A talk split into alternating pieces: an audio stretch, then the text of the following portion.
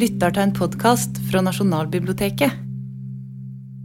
I have decided to focus in this lecture on the relationship between the materiality of the text and the reading and the practices, leaving perhaps for the discussion the question of uh, translations. And last but not least, I would like to apologize for my perfect Gérard Depardieu's English accent.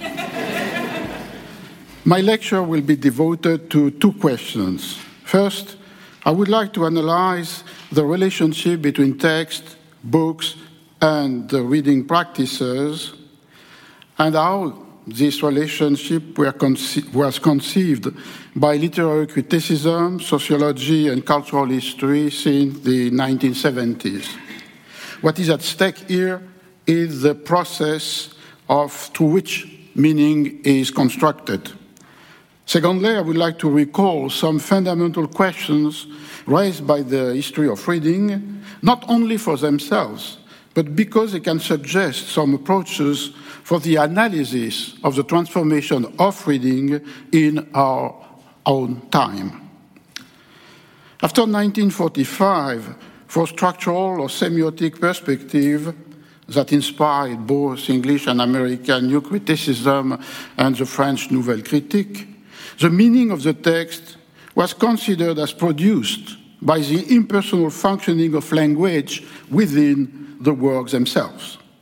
Whence, the critique of the authorial intention and the primacy given to the textual linguistic machinery. As wrote Wimsatt and Beardsley in their famous article, The Intentional Fallacy, published in 1946, I quote, there is a difference between internal and external evidence for the meaning of a poem.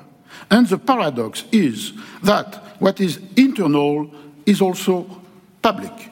It is discovered through the semantics and syntax of a poem, through our habitual knowledge of the language, through grammars, dictionaries, and all the literature which is a source of dictionaries in general, through all that makes a language and culture. While what is external is private, idiosyncratic, not a part of the work as a linguistic fact. Consequently, literary criticism must always prefer the internal evidence, the linguistic one, because, I quote, a poem can be only through its meaning, since its medium is words, and to refuse the romantic intentionalist assumption. Doing this, new criticism not only denied any relevance to the biography of the author, to the circumstances of writing, but also it did not give any importance to the readers in their actual diversity, since the meaning, as exposed by the literary critic, is considered as a result and only the result of the linguistic machinery. Without author nor readers, the texts in this perspective were also thought of without any materiality. Such a perspective echoed in literary criticism the numerous discourses that have postulated and still postulate the existence of works always identical to themselves, independently of their material forms or interpretive appropriation. Thus, the Neoplatonist opposition, so strong during the Renaissance, uh, opposing the purity of the idea and the corruption of the matter, or in the 18th century, the justification of the copyright that established the author property on a text considered always the same, whatever its form of publication may be, or the triumph of a post Kantian aesthetics that judged the works independently of their different and successive embodiments. Paradoxically, the two critical approaches that after 1945 have uh, dedicated the most sustained attention to the material mod modalities of the inscription of the written word have reinforced rather than combated this process of textual abstraction. The new bibliography, pioneered by Pollard, McKerrow, Greg, continued by Fredson Bowers, has mobilized the rigorous study of the various states of the same work, editions, issues, copies, in order to find, to retrieve an ideal text, purified of the alteration inflicted to it through the process of publication. An ideal text supposedly identical to the text written, dictated, or dreamed of by its author. Hence, within a discipline dedicated almost exclusively to the comparison of printed objects, the obsession for lost manuscripts, and the radical distinction between the essentials of a work and the accidents that have deformed or corrupted it during the process of publication. In such a perspective, the readers did not play any role beyond the possible misreading of the authorial intention by scribes, copy editors, or compositors, typographers. Secondly, the deconstructionist approach à la Derrida, for its part, has forcefully insisted on the materiality of writing and on the different forms of the inscription of language. But in its effort to abolish or to reframe the most immediate opposition between orality and writing, between the uniqueness of speech acts and the reproducibility of the written word. Such an approach has proposed encompassing conceptual categories, archive writing, iterability, that divert from the possible perception of the effects produced by the empirical differences they are effacing. Consequently, in this perspective, the instability of the meaning of a text is located within the undecidability of language and not within the diversity of actual readers' practices or appropriations. In reaction against this absorption of reading within the linguistic uh, machinery of the text, as proposed by the new criticism, several approaches have considered, since the 70s of the 20th century, the production of meaning as constructed by the inventive, dynamic, dialectic relationship that exists between readers and text. The project, as you know, took on diverse forms within literary criticism, but the main issue was always the same how to free the readers from the tyranny of language without falling into an endless inventory of subjective readings. I would like to stress five of the propositions that addressed such a challenge. First, in the theory or poetics of reception, it is a concept of horizon of expectation that must overcome the difficulty. In its definition, proposed by Jauss in his seminal article, Literary History as a Challenge to Literary Theory, published in 1970, the notion designated the aesthetic and intellectual categories that govern the reception and interpretation of the works by their readers. For Jauss, an horizon of expectation is composed by three fundamental elements. I quote this frame of reference for each work develops in the historical moment of its appearance from a previous understanding of the genre, from the form and themes of already familiar works, and from the contrast between poetic and practical language. Breaking with the idea of an objective meaning determined once and for all and directly open to the interpretation at any time, the dialectic relationship between the works and their readers allows to understand why some works immediately fulfilled what their readers expected from the genre, and why some other works, for example, quoted by Jauss, Don Quixote, or Madame Bovary, challenged, provoked the previous categories and were so powerful that they can impose an horizon change. Second, the reader response theory focused on the dynamic interaction between the structure or the motive of the text and the individual reader's work of interpretation and appropriation. In this perspective, reading must be understood as a response to the text. As wrote Wolfgang Iser in his book The Act of Reading, published in 1978, I quote, aesthetic response is to be analyzed in terms of a dialectic relationship between text, reader, and their interaction. It is called aesthetic response because although it is brought about by the text, it brings into play the imaginative and perceptive faculties of the reader in order to make him or her adjust and even differentiate his own focus.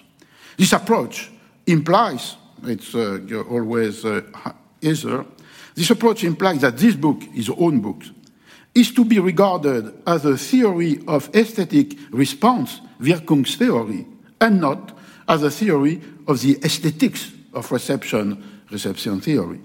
A theory of response has its roots in the text.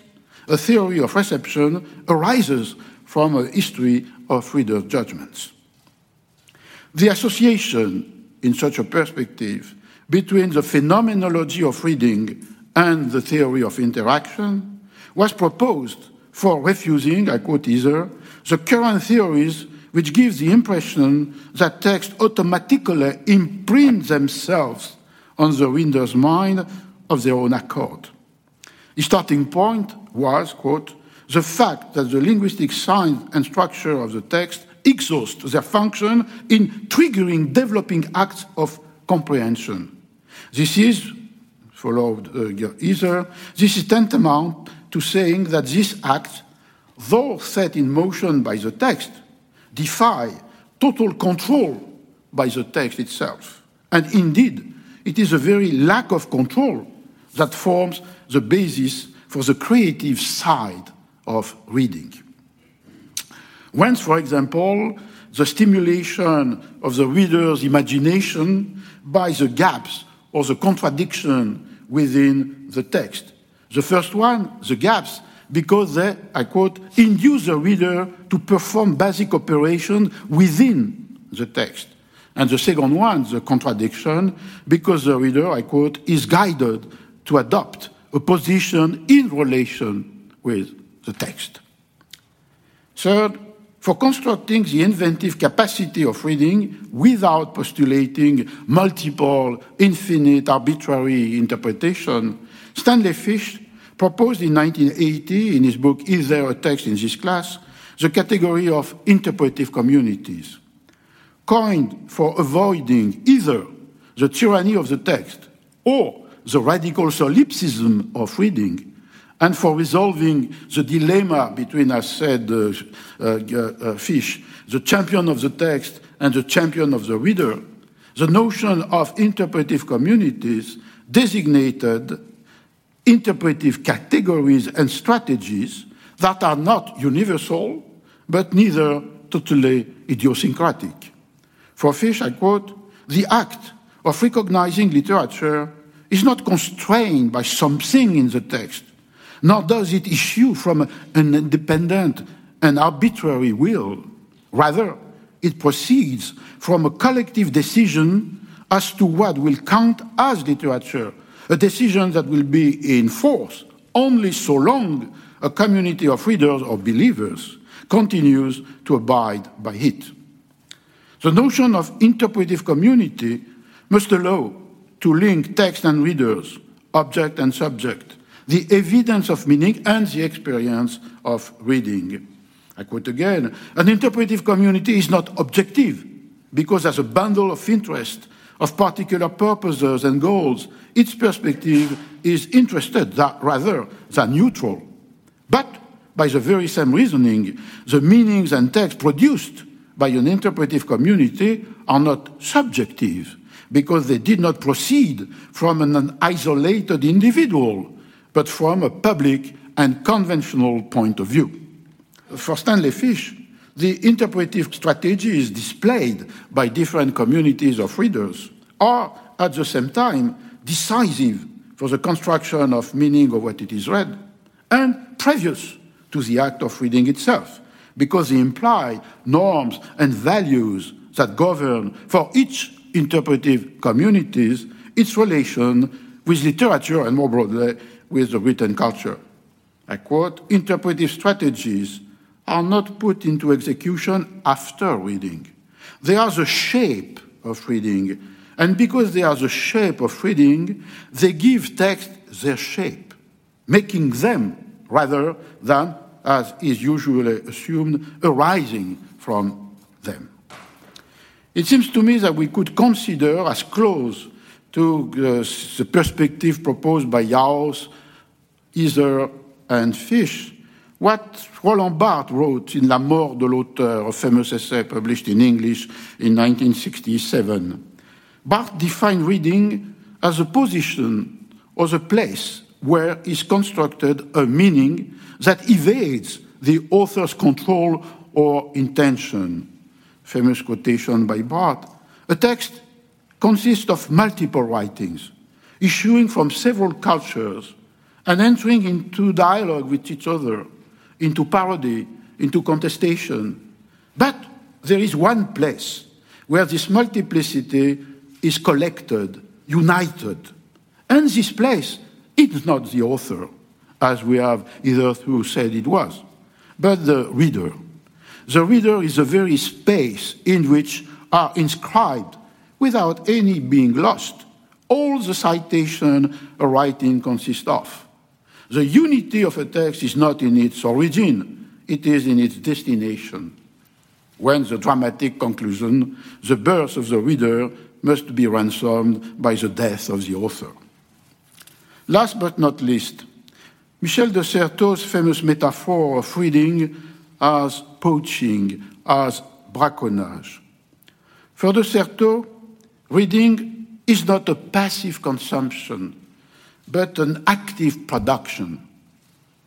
I quote, reading an image or a text seems to constitute the maximal development in the passivity assumed to characterize the consumer, who is conceived as a wire whether troglodytic or itinerant, in a showbiz society. In reality, follow de Certeau, the activity of reading has, on the contrary, all the characteristic of a silent production. The drift across the page, the metamorphosis of the text effected by the wandering eyes of the reader, the improvisation and expectation of meanings inferred from a few words leaps over written spaces in ephemeral dances. The reader, concluded de Certeau, insinuates into another person's text the ruses or pleasure of appropriation.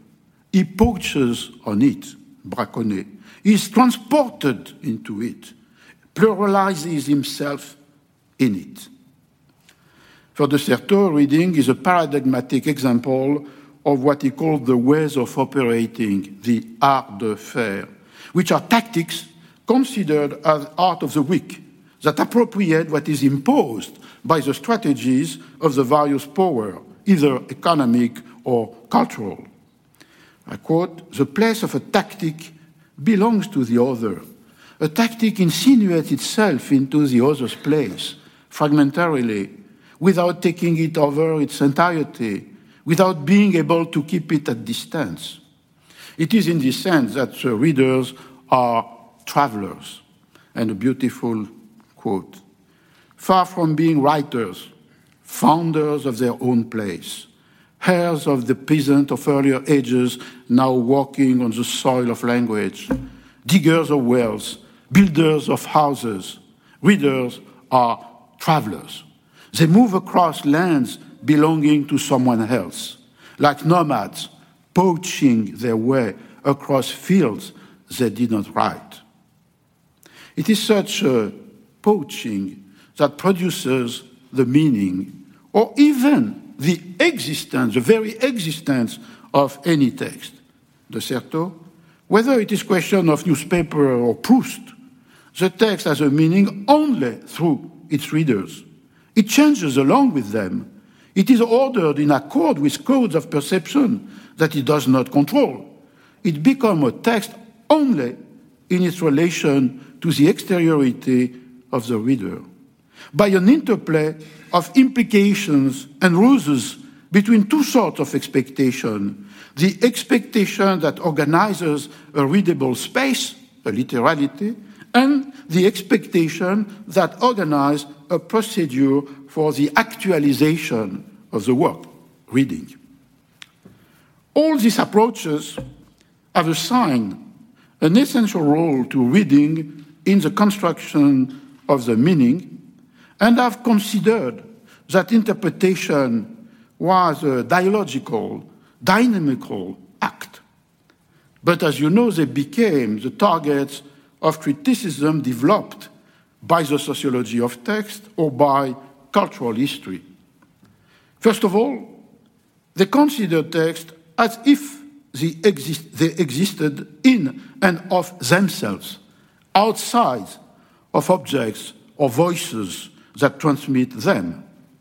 Against such a perspective, we must recognize that the forms which make text to be read or to be listened to also contribute to the construction of their meaning.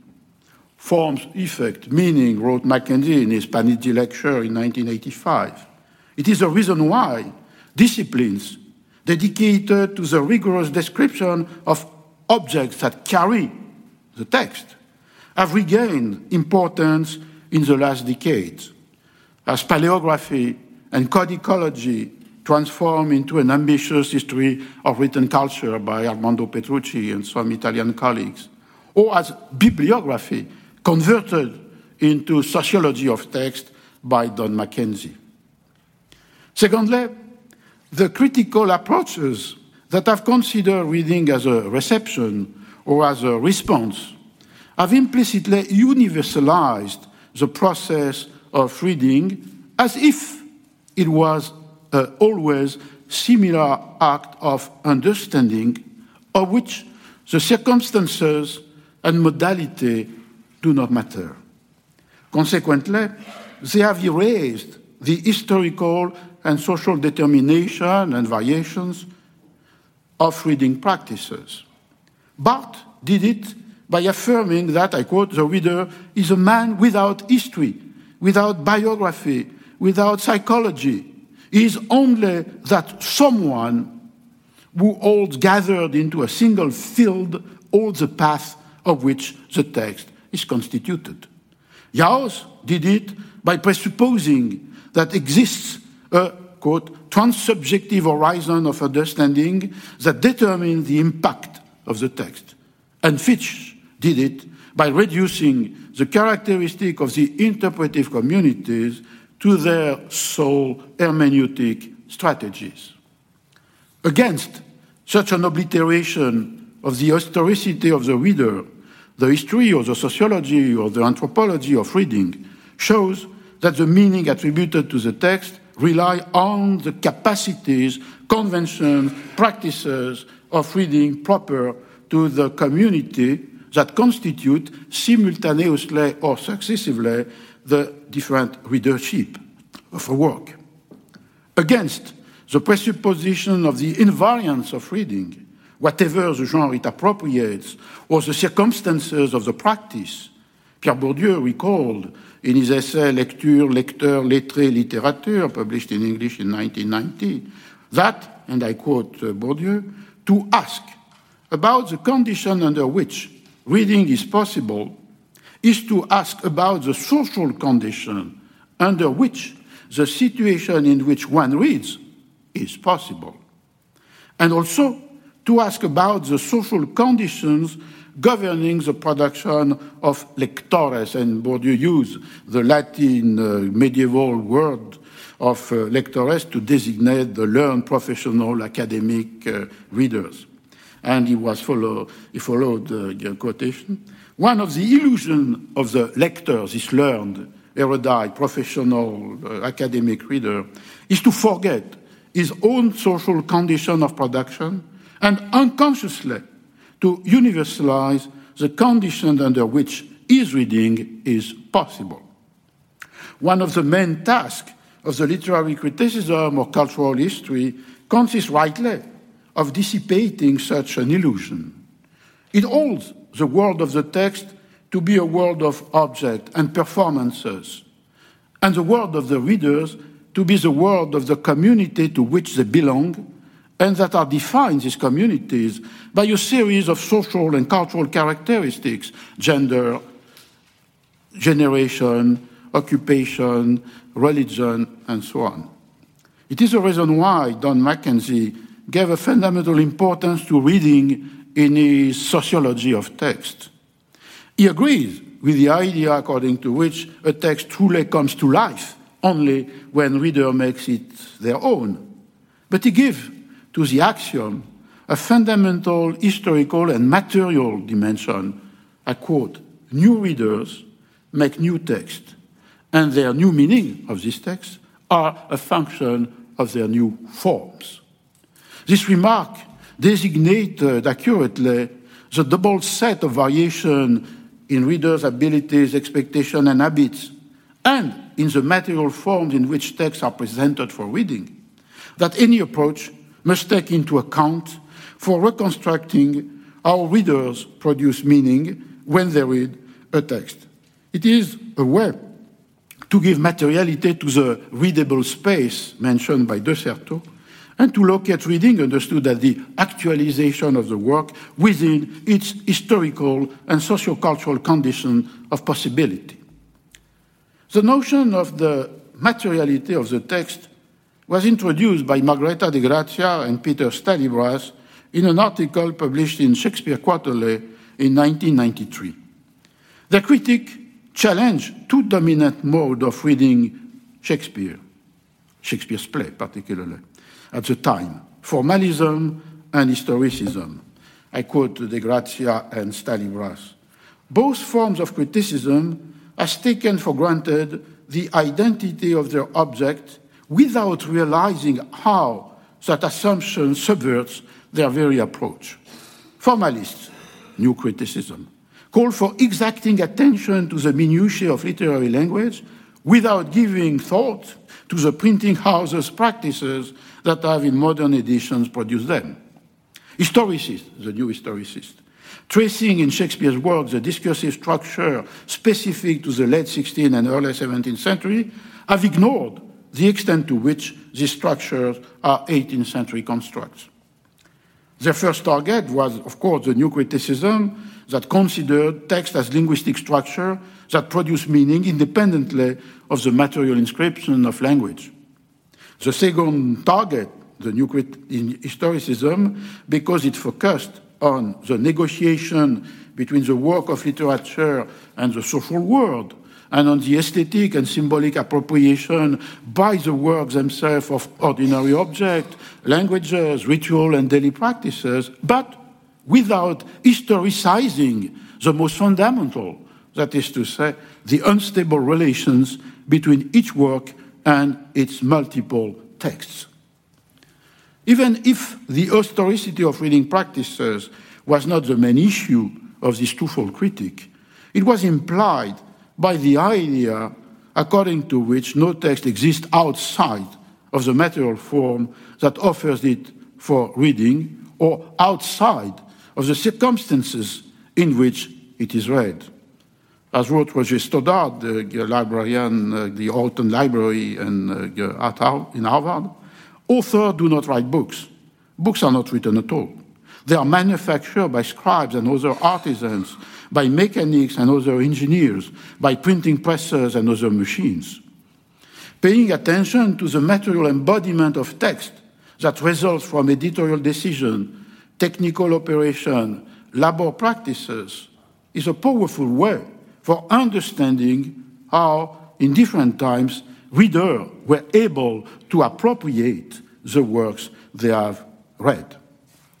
David Kastan has recently characterized the view according to which a word transcends any possible material incarnation as Platonic, in contrast to the pragmatic view according to which no text exists apart from the material forms and cultural practices to which it is read or listened to. This contradictory perception of the text, as you know, divide both literary criticism and editorial practices, opposing those who attempt to restore the author's intention by repairing the wounds inflicted in the course of copying the work and setting it in types.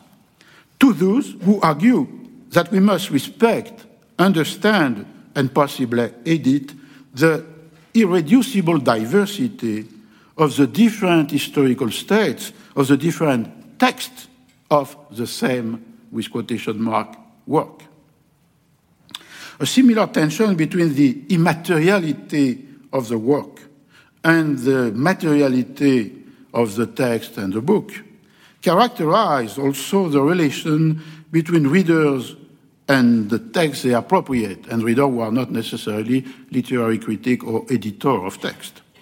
In a lecture delivered in 1978, El Libro, the book, Jorge Luis Borges said, One day I thought I would write the history of the book. But he added immediately, I am not interested in the physical aspect of books, but in the various ways in which books have been regarded. For Borges, thus, the material form of the text is irrelevant.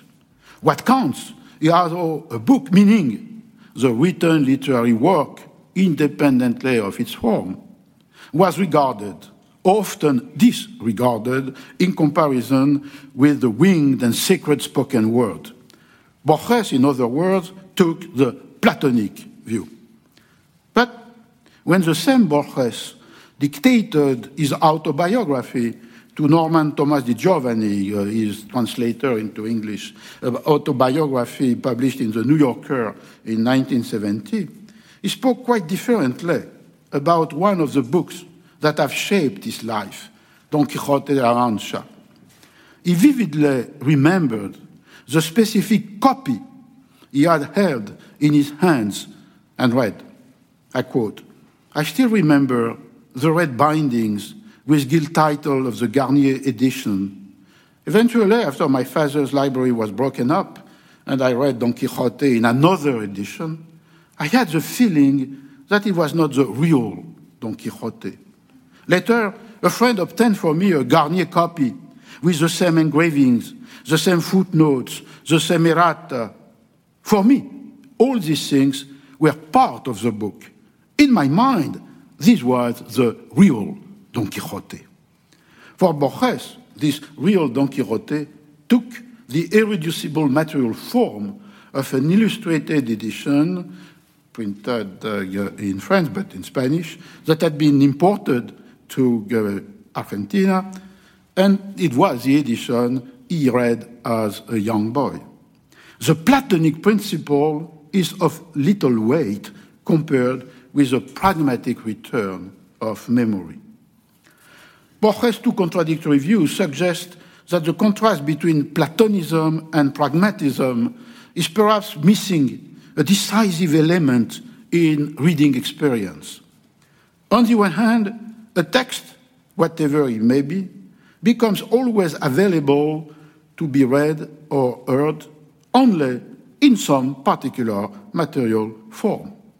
Depending of time and genre, the variation between these different states of the same work can involve, separately or together, the modalities of its inscription and publication, the spelling of the words, the layout of the page, the textual variants.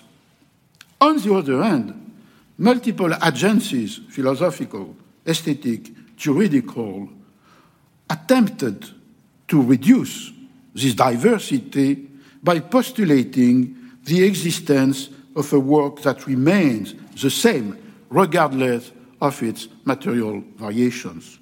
They constructed an ideal text which readers recognize in each of its different states. What is important, perhaps, is not to resolve this irreducible tension, but rather to identify the way in which it was thought of at a various moment and by different communities of readers. This project was a founding principle for the development of the history of reading practices and its contribution to the history of written culture.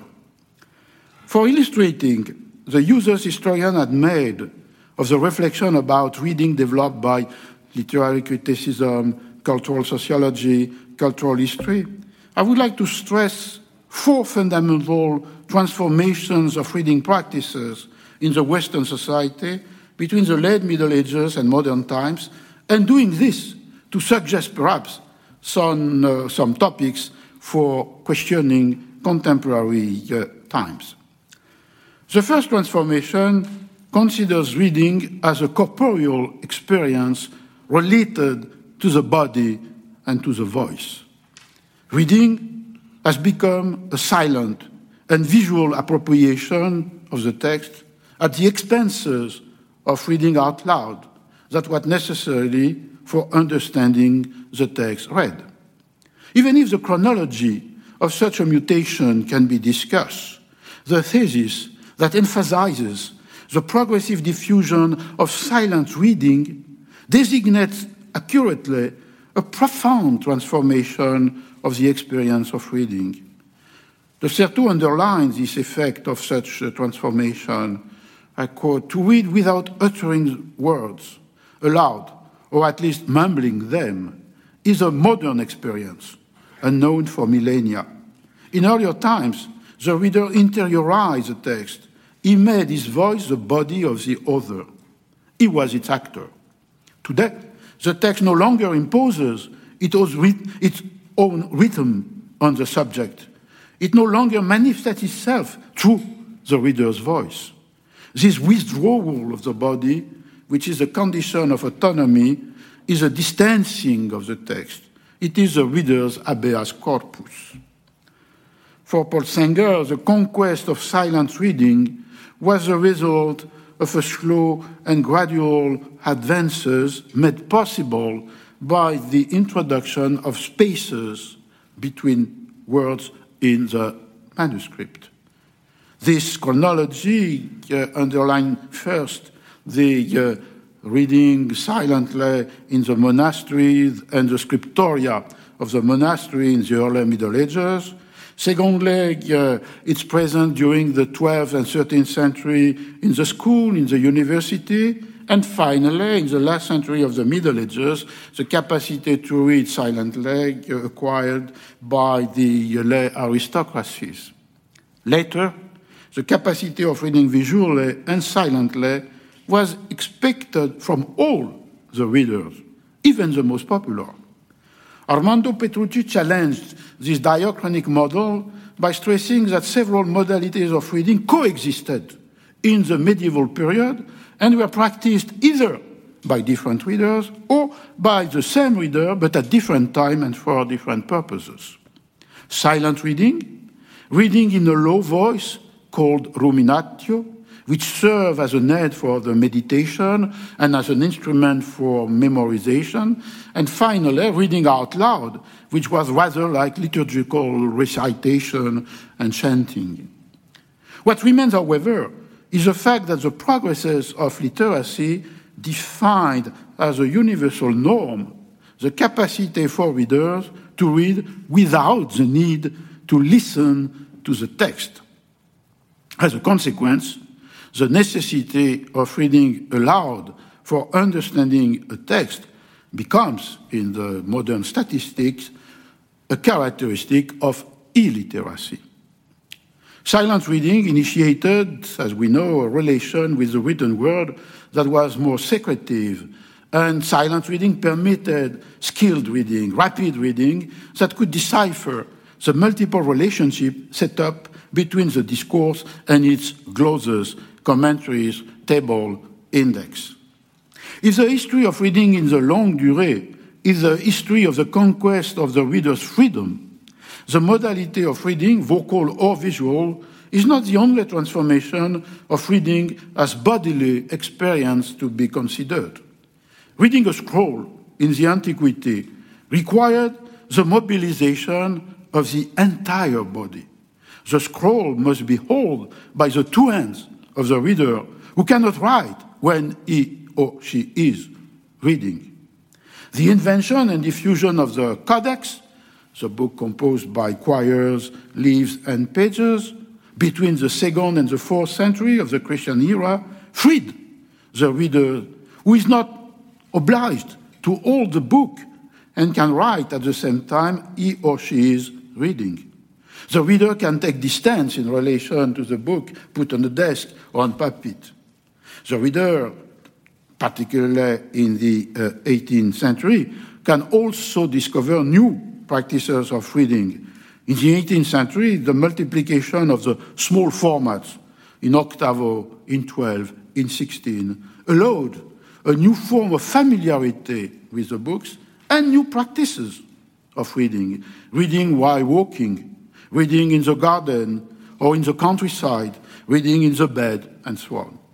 What does happen to the relationship between the body and the text in the digital world when it is mediated, this relationship, by a keyboard, or when the reader's fingers move directly the text on the screen?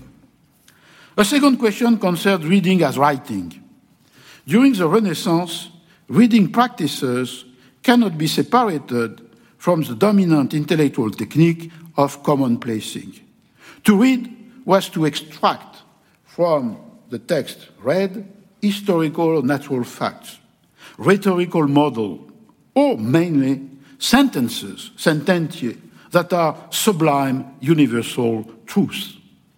The reader must mark them in the book itself, then he must copy them in a commonplace notebook in order to reuse this uh, quotation in his or her own compositions. Since the 18th century on, with the decline of the technique of commonplacing, marginal annotations acquired a different meaning. They indicated the intellectual or sentimental reactions or response of the readers who entered into a personal dialogue with the text. This example shows how morphological similarity to write marginalia in a book can have very different cultural meaning according to what is expected from reading. Today, such a discontinuity exists even within apparent continuities. Digital reading is a segmented reading attached to the fragment more than to the totality of the work. It is not by that token in a direct line of descent from the practices allowed, encouraged by the Codex. It is a Codex, manuscript or uh, printed, and not the screen, that invited the reader to skip page, pages or passages, to live through the book, to read as Montaigne did, as Saul Gambad by skips and jumps. It is the Codex and not the screen that invited to compare passages in the same book, as did the typological reading of the Bible, comparing systematically the Old and the New Testament, or to indicate, extract, and copy the citations demanded by the humanist technique of commonplacing. More broadly, we must consider that the written culture and the reading experiences have been largely and durably framed by fragments gathered in collections of commonplaces, anthologies of extracts called often esprit in the 18th century, or pedagogical morceaux choisis.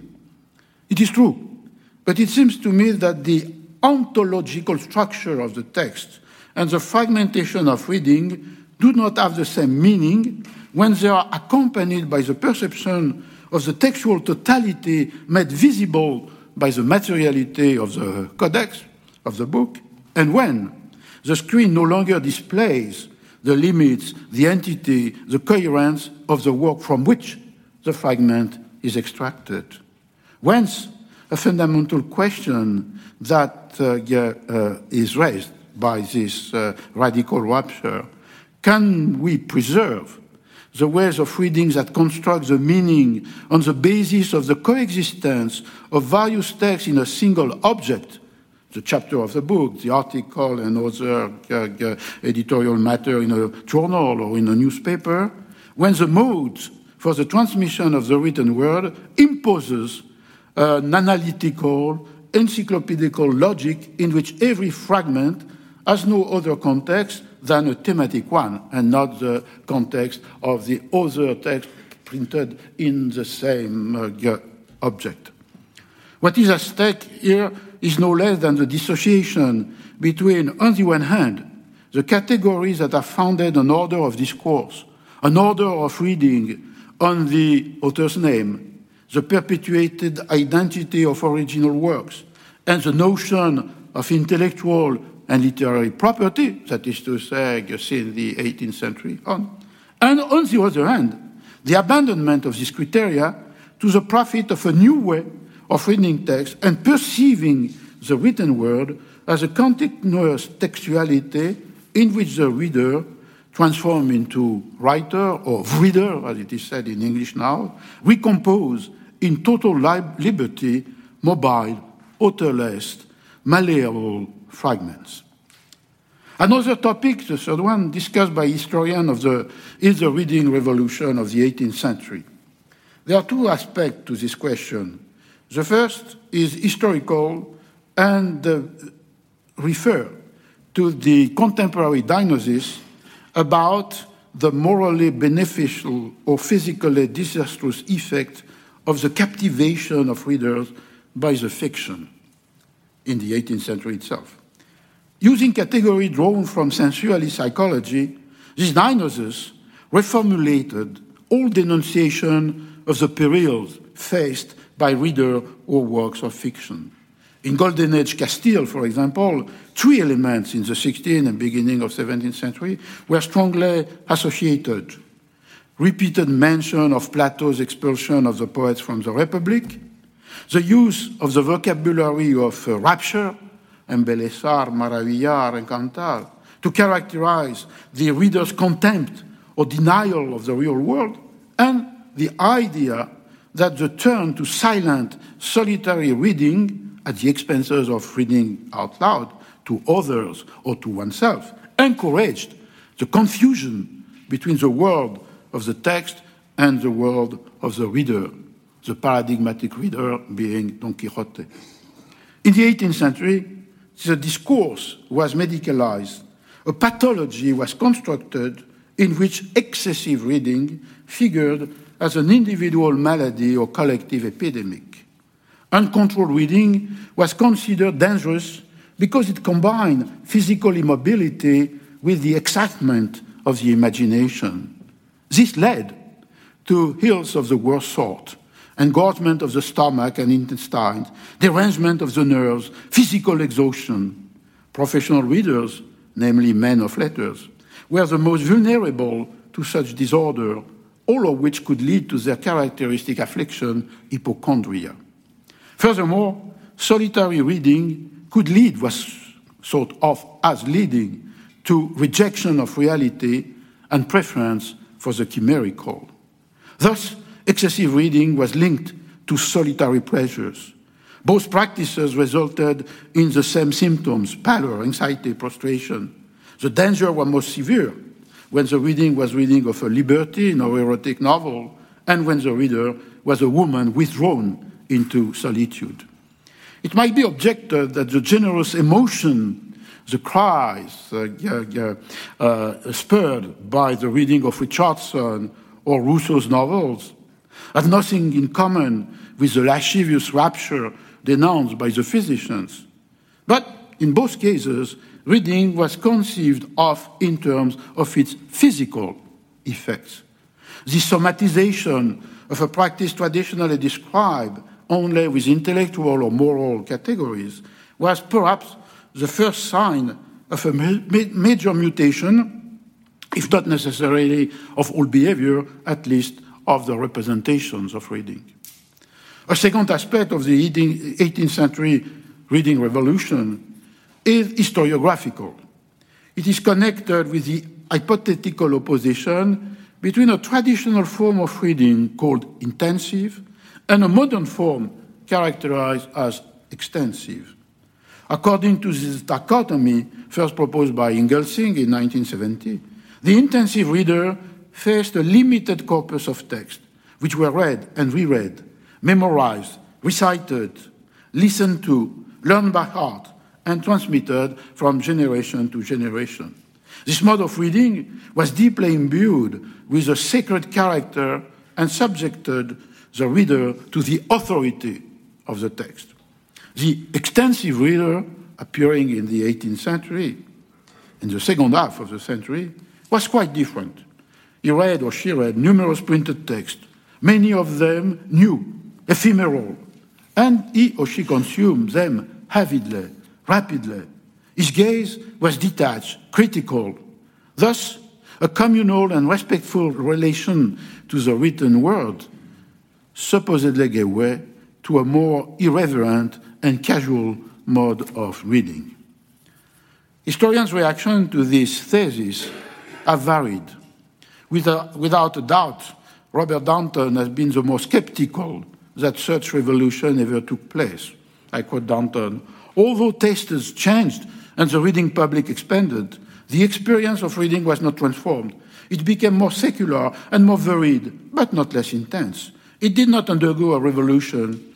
Historians have discovered and dismissed so many hidden revolutions of the past that the reading revolution might be safely ignored.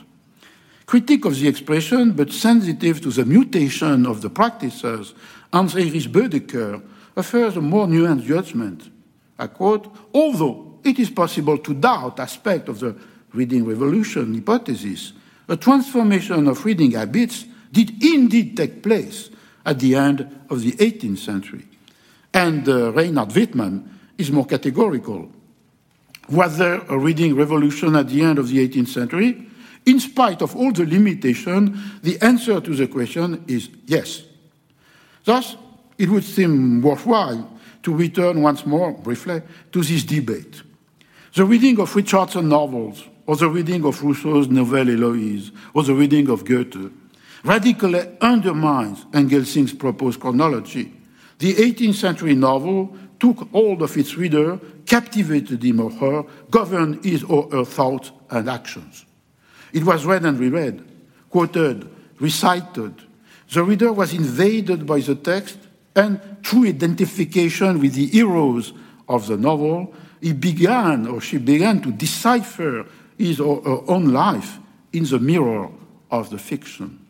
This particular, particularly intense and intensive form of reading engaged the entire sensibility of the readers, men and women alike, alike who could not restrain their emotions or tears. This leads us to challenge the validity of a sharp opposition between two styles of reading, the one supposedly following and supplanting the other. Is that enough, however, to invalidate the idea of a reading revolution in the 18th century? Perhaps not. Throughout enlightened Europe, profound changes transformed the production of print and the condition of the access to book, despite the stability of the typographic technology and the stability of labor practices. Everywhere, the growing supply of books, the secularization of the titles of, offered to the public, the circulation of prohibited books, the proliferation of periodicals, the triumph of small formats, and the proliferation of reading society, book clubs, circulating library that made possible to read without buying.